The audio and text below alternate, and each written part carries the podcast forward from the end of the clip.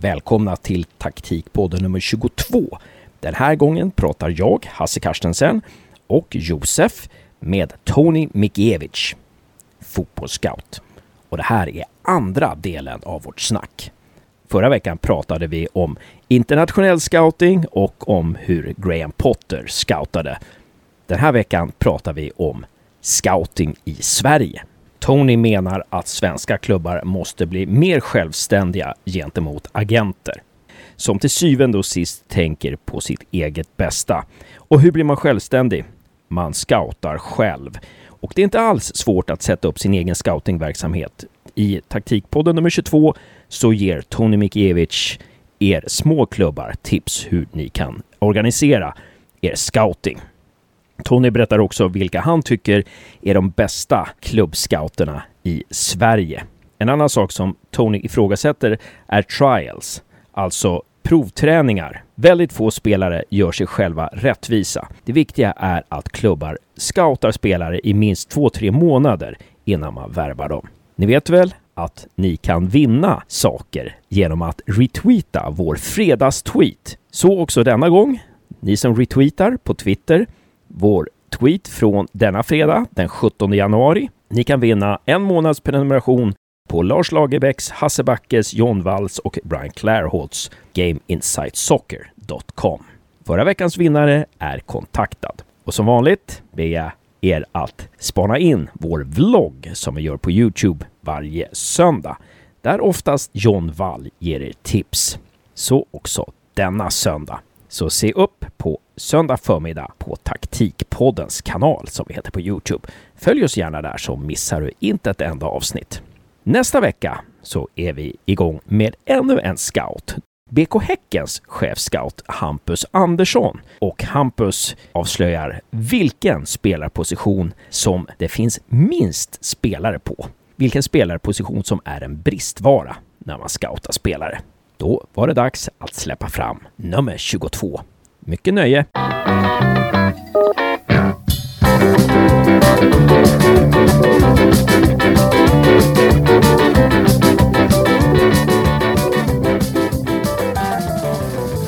Welcome to the second episode uh, with our guest Toni Mickiewicz. Welcome, Toni. Thank you. Welcome back.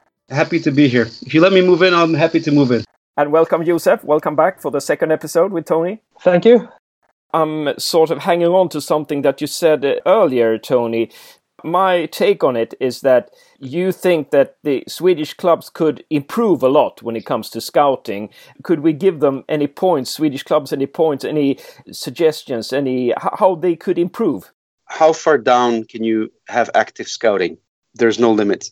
Scouting is not an investment of money first it's an understanding of an important workflow and and and create and isolating and giving respect to that important workflow is the first step so so and what i mean by that is you can you can do a lot with no money at all uh, by basically giving assignments. What do you mean by that? Giving assignments? What was that? You can send an assistant manager to scout, and I and I can already hear the voices of actually specific assistant managers. Oh no, my wife, you know, thinks I've already spent too much time uh, etc. It's not it's not about that. It's about planning in his month that he needs to see one opposition match live, um, especially in lower leagues where there are no video videos available of your opposition. I've seen teams go into important games with zero knowledge of the opposition team and get slaughtered uh, very often.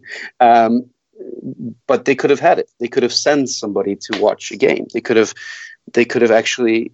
Uh, you know, the chances that you you watch them once, the chances you're going to need that information in five six months time or next season uh, have a comparison are huge. So the value of going to see your important opponents is is massive.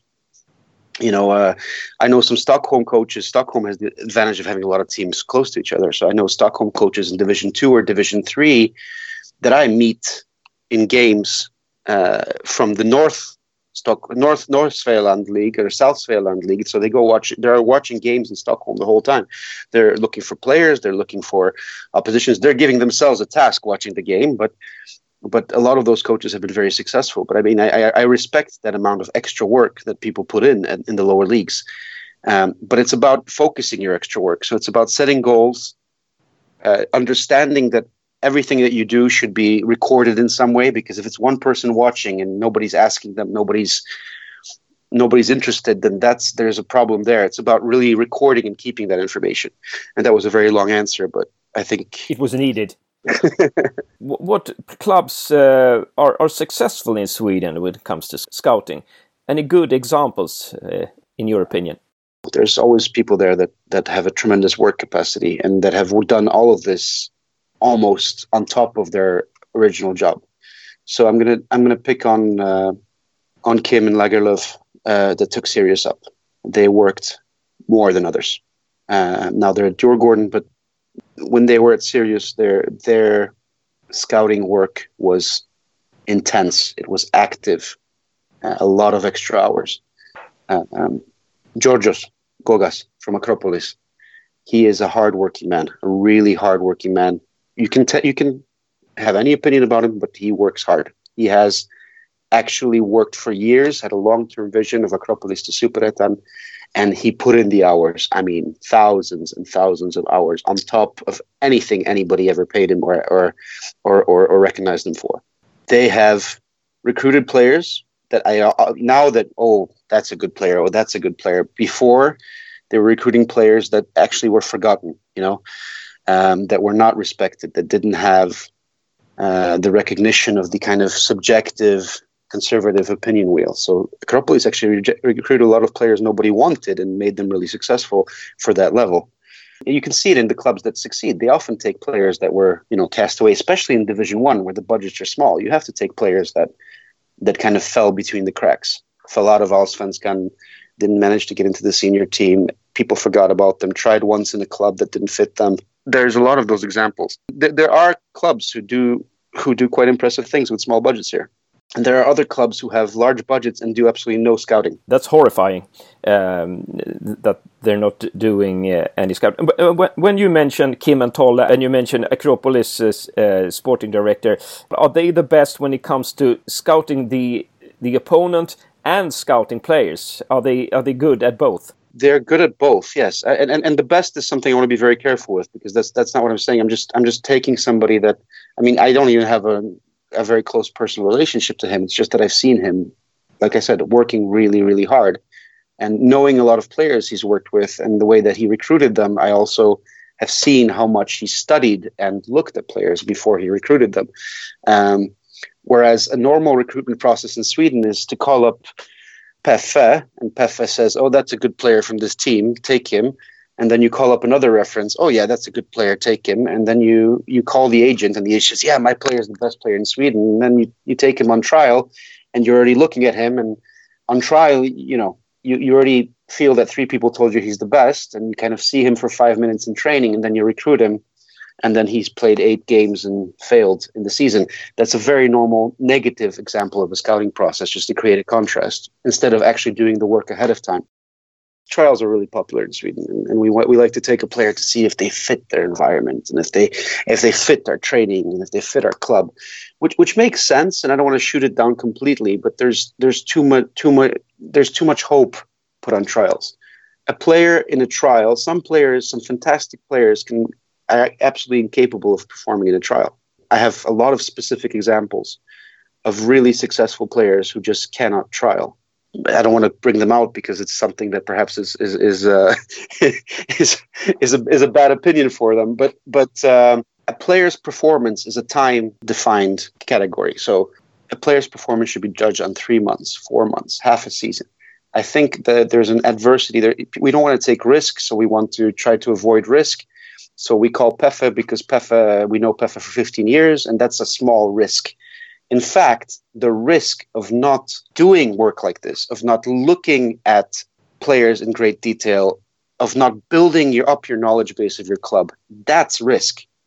That's where you're going to bring in a lot of players that are going to leave after a season that haven't worked out. That's exactly the risk that that is that is a danger for a club of just going in circles just relying on the people you already know to just give you opinions without putting any time into it instead of actually creating an environment where you're setting a target in you don't have to do it so you know so much ahead of time in may first week of may you sit down in june we're going to need a central defender and a central midfielder. Can we look in all of Sweden and Finland for such a player? We don't have to go through the whole world.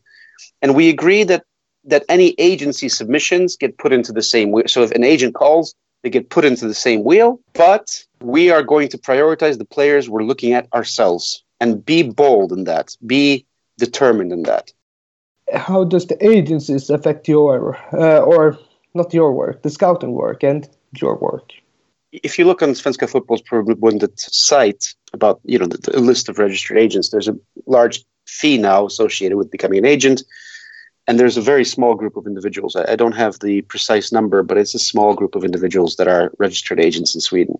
Essentially, when agency runs recruitment, like it has started to do to a large extent in Sweden, most recruitment in Sweden is done from famous agent, I shall not mention the name, or another famous agent, I shall not mention the name, calling exporting director up who has not been successful in his own club's recruitment effort and asking him what he needs. The sporting director tells him what he needs.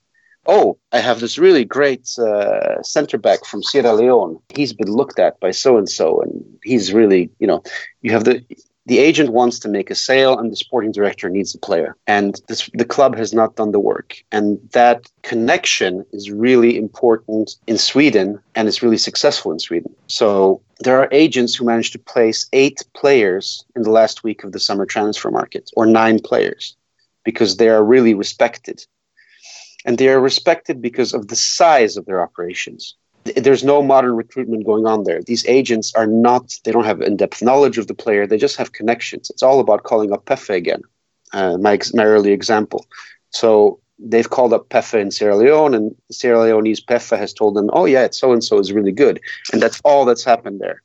And there's a YouTube video. The worst thing are these doctored short clips of players from YouTube if you're an experienced scout, you can get something out of that, but you never ever base an opinion on a player on a YouTube video. Kyle Macaulay at Östersund did not watch YouTube videos. It was a principle of his. He did not watch YouTube videos at all that's a person in Sweden that you can say was successful at recruitment.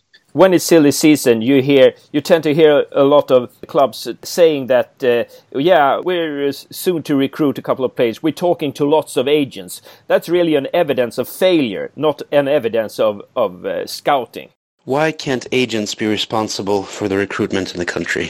First, they will always be on the side of business, um, and possibly on the side of the player, uh, although that's not a certainty normally they'll be on the side of gaining an advantage for themselves because agency is a very tough business. Uh, especially in Sweden where there's so little commission paid, so little money to be made.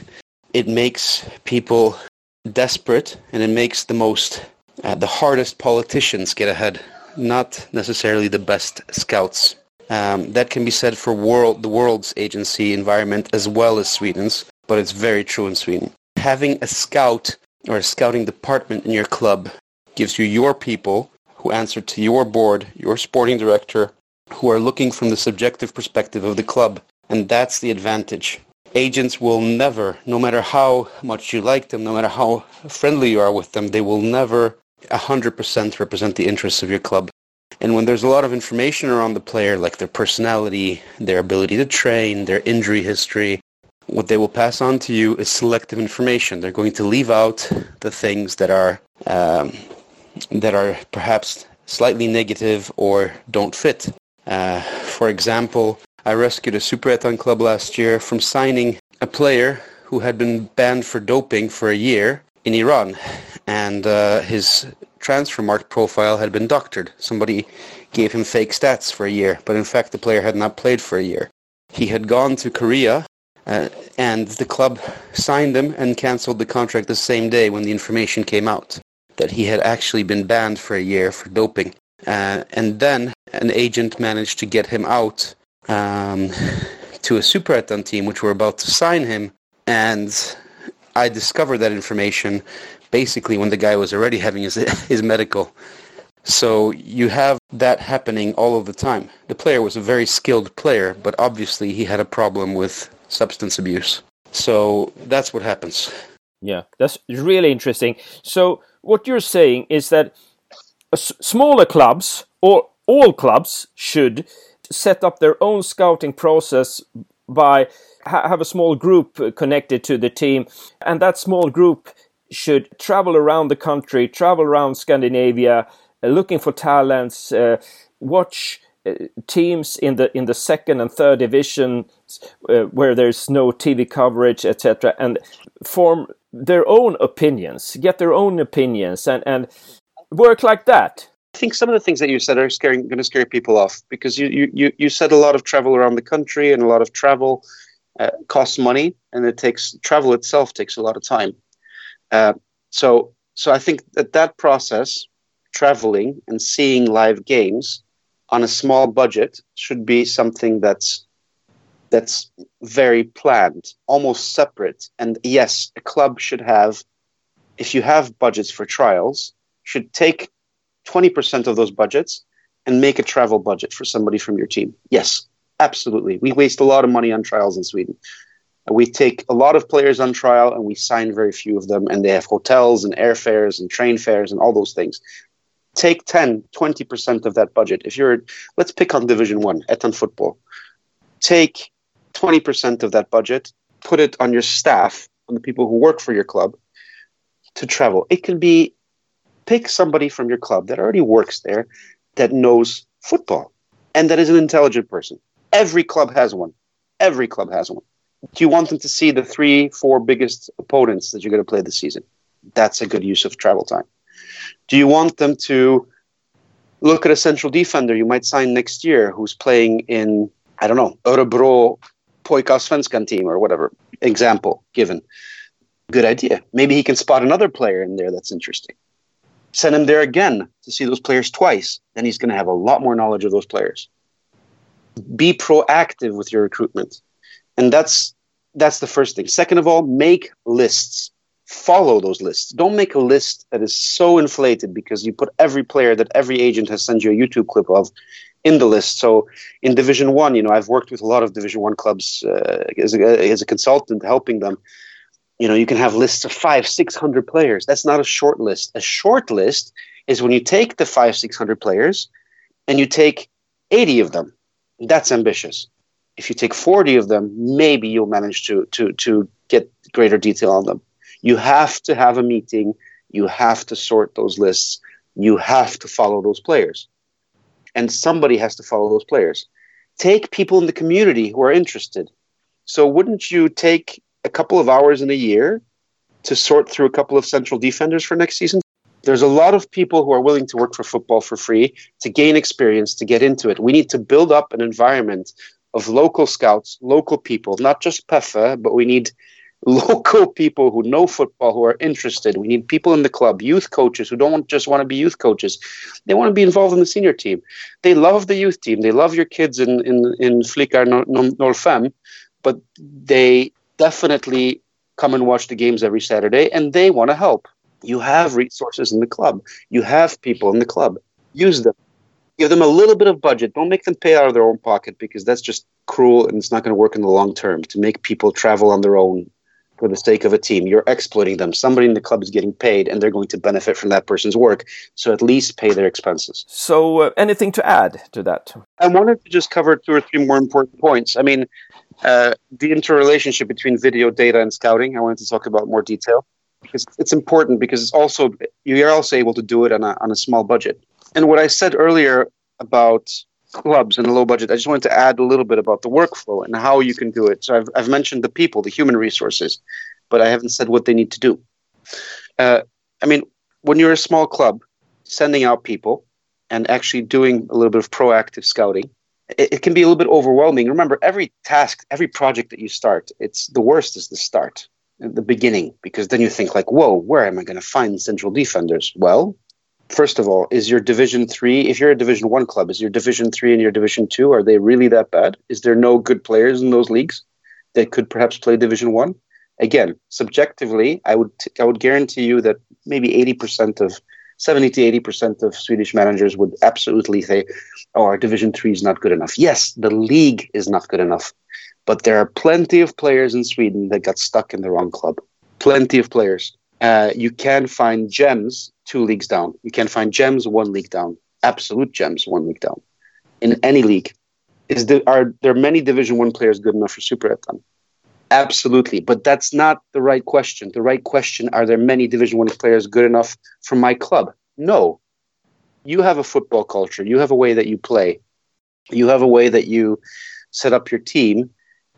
Try to find the teams that play like you. Try to find the players that fit your style of play.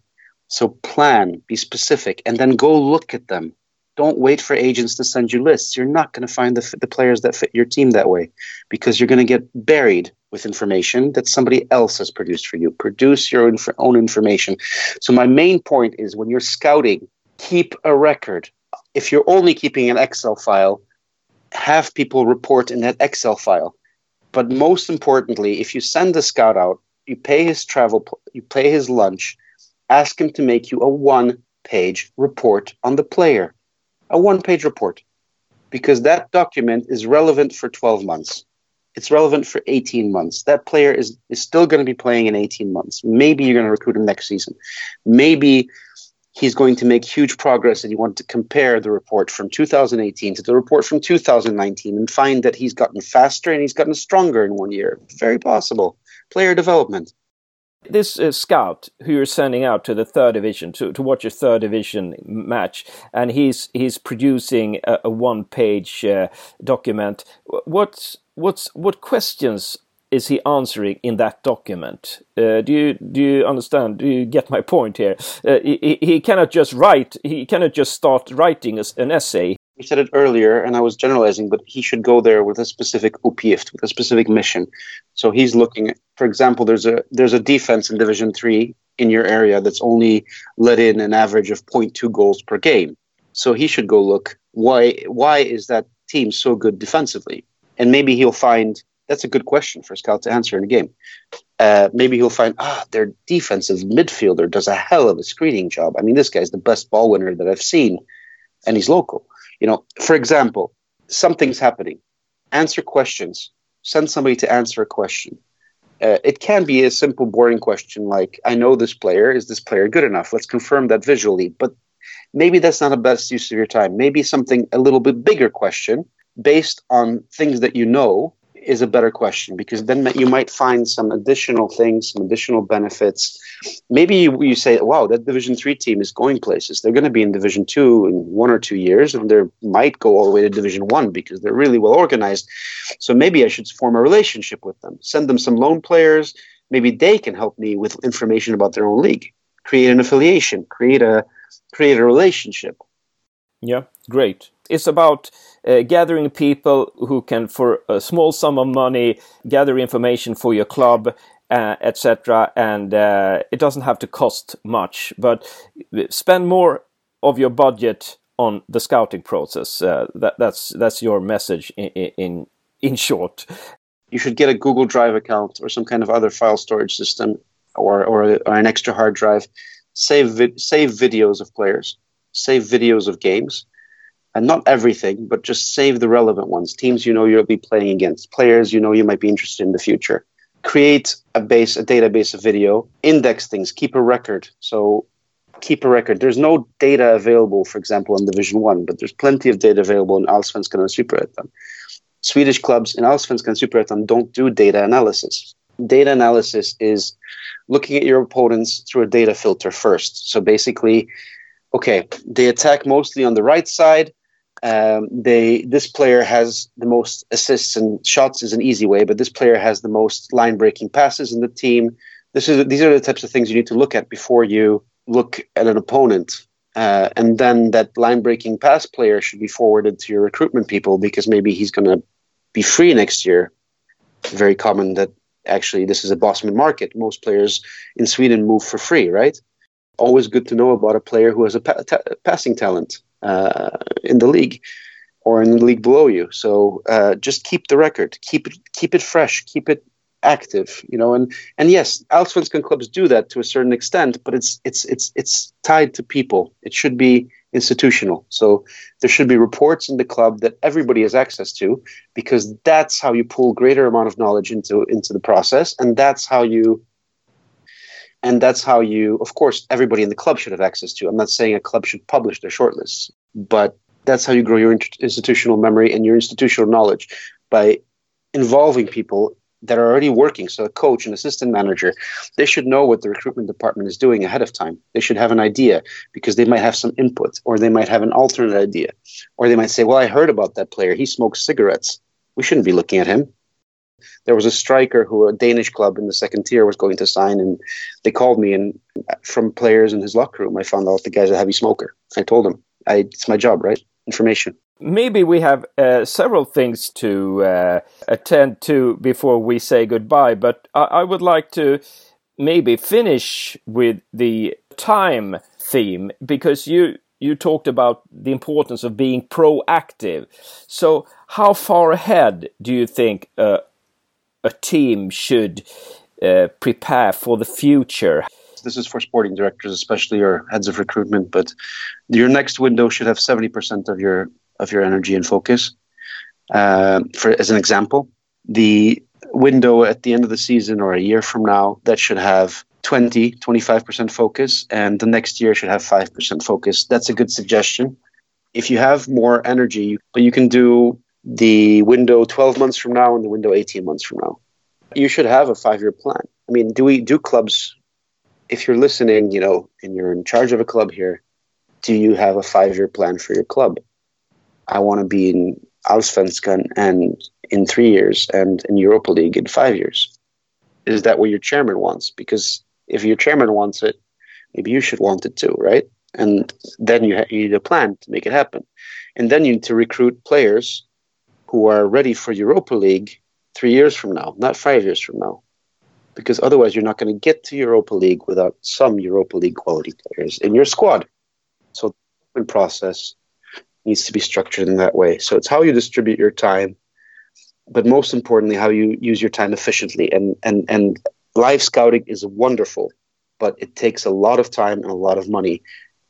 Use data, use video, watch whole matches of players on video before you do that work to save money. And then from that, decide who you're going to watch live. So, if you're entering a season knowing that the manager, the trainer, as we call it in Sweden, he has got one year left of his contract going into the, the, the season, then you should, as, as a sporting director of a club, you should spend the, the year sort of listing future trainers, listing managers. If this manager maybe he, he's moving to another club or etc. etc. Is that a, a way of thinking? If you have no manager by January uh, in Sweden, then you've then you've done it backwards.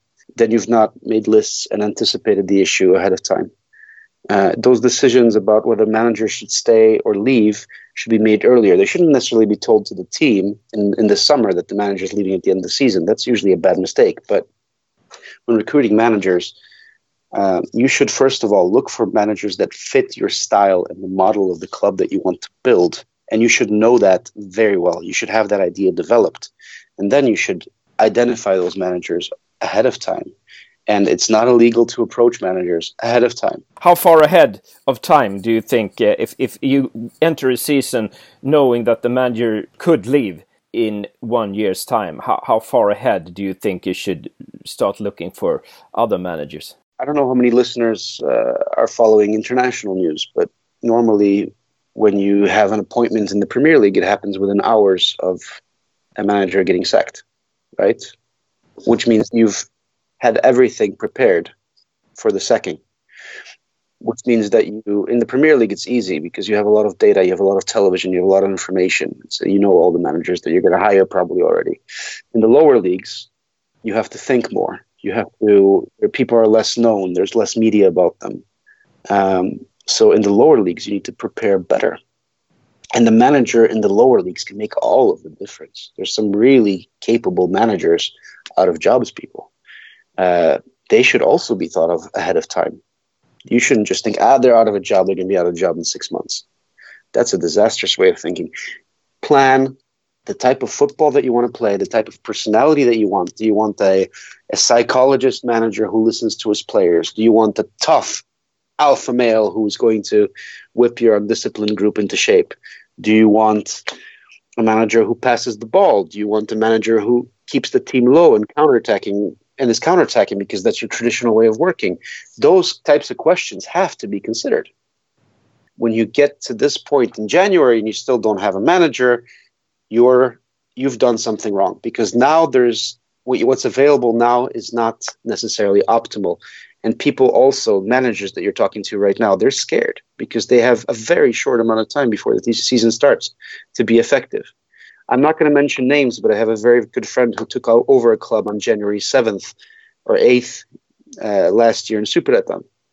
And he uh, and the whole season went badly because it was very late to appoint him. They should have appointed him in November. It has been great talking to you, and I made a lot of insights here, and learned a lot. Hopefully, we will be talking to one another many times in the future. So, many thanks, Toni.